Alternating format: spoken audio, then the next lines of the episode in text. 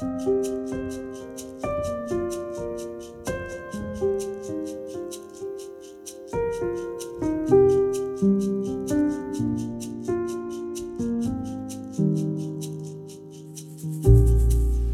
menigheten der jeg er prest, har vi de siste årene hatt stor glede av filmserien The Chosen, både i grupper for voksne og i konfirmantarbeidet.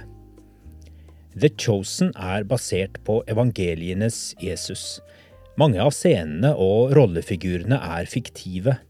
Det betyr at de tar utgangspunkt i fortellingene om Jesus, men fortolker og utdyper omtrent slik vi predikanter gjør når vi holder tale over en tekst.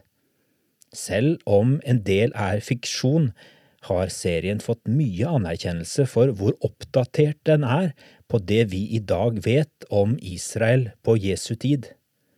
Her lærer vi mye om den religiøse og historiske bakgrunnen for bibeltekstene.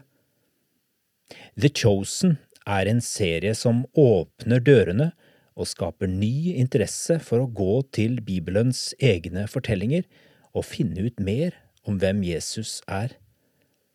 Det viser også de utallige vitnesbyrdene verden over om mennesker som har kommet til tro gjennom serien. Hvis du ikke kjenner til The Chosen, anbefaler jeg deg å gi denne gratis nedlastbare TV-serien en sjanse. Har du ungdommer i familien, kan det være fint å se den sammen med dem. Denne høsten er vi i gang med sesong tre i vår menighet. I første episode av sesong tre handler det om da Jesus samlet store folkemasser og holdt det som senere er blitt kjent som bergprekenen, slik den er gjengitt av evangelisten Matteus i kapittel fem til sju. Om alle disse ordene ble sagt av Jesus på samme tid, vet vi ikke, men dette er åpenbart essensen av Jesu undervisning, og det er heller ingen tvil om at Jesus må ha samlet store folkemasser og vært en inspirerende taler. Det finnes nok ingen tale i historien som har fått større betydning enn bergprekenen.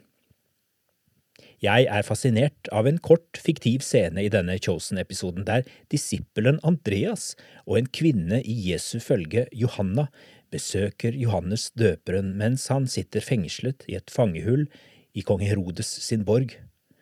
At akkurat dette møtet har funnet sted, vet vi ikke, men det kan ha skjedd, for vi vet av Johannes evangeliet kapittel 1 at disippelen Andreas først var i følge med døperen Johannes, for så å bli sendt videre til Jesus. Han kjente altså Johannes døperen bedre enn de fleste. Johanna hører vi om i Lukas kapittel 8, der hun omtales som en av kvinnene i Jesu følge. Hun var gift med Kusa, står det, en forvalter hos kong Herodes. Nå kommer de til Johannes i fengselet for å fortelle hva de har sett og hørt, og denne gangen handler det om bergprekenen. Det er her vi får en sterk scene mellom døperen og Andreas, som er så gjenkjennelig for de fleste av oss. Alle de fine og flotte ordene til Jesus som ble talt til tusenvis av mennesker, de vet ikke helt hvor de skal begynne med å fortelle, men Johannes minner da Andreas på noe veldig viktig. Av alt dette som Jesus sa, var det ikke noe som talte spesielt til deg som en særlig hilsen akkurat inn i ditt liv, Andreas. Da hvisker Andreas, vær ikke bekymret, søk først Guds rike og hans rettferdighet. For Andreas var en bekymret mann. Dette har jeg båret med meg de siste dagene. Mange mennesker går rundt og tenker at de bare er én i mengden, at de er tilskuere, om ikke i sitt eget liv, så i hvert fall tilskuere i det store følget til Jesus.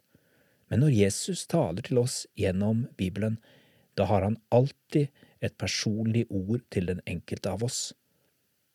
Hvor lenge er det siden du har lest hele bergprekenen i Matteus fra kapittel fem til sju?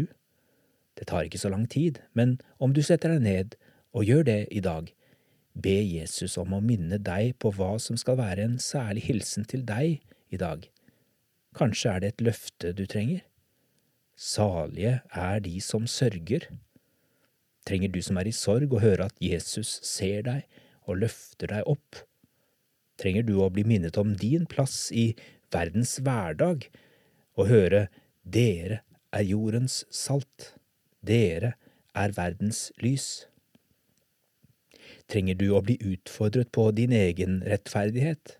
Den fristende tanken om at dine synder er mye mindre alvorlige enn andres? Da skal du kanskje høre dere har hørt deg sagt, du skal ikke slå i hjel, men jeg sier dere, den som blir sint på sin bror, skal være skyldig for domstolen. Dere har hørt deg sagt, du skal ikke bryte ekteskapet, men jeg sier dere, den som ser på en kvinne for å begjære henne, har allerede begått ekteskapsbrudd med henne i sitt hjerte. Strever du med å be? Trenger du kanskje da å bli minnet om hvor enkelt det kan gjøres? Vår Far i himmelen, la navnet ditt helliges la riket ditt komme. Eller er du som Andreas redd for morgendagen og bekymret for om penger og ressurser strekker til? Da ser kanskje Jesus rett på deg nå og minner deg om at du har nok problemer å håndtere i dag. De skal du få lov til å ta deg av først, sammen med Jesus. Morgendagen har nok med sin plage, og den ligger i fars hender. Den som tror, trenger ikke å bekymre seg for morgendagen. Vår Far i himmelen og Hans Sønn er allerede i morgendagen. De kjenner den, og de vet hva du trenger. Husk at vi sier Gi oss i dag vårt daglige brød, slik Jesus har lært oss i Fader vår. Dyp av visdom. Han gir oss ikke alltid så mye mer enn det vi trenger for dagen i dag. I morgen kommer det mer. Derfor skal vi også vente med morgendagens plager til i morgen. Så vær ikke bekymret.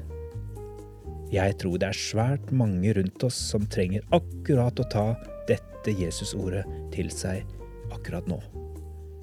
Kanskje er det du som skal dele det videre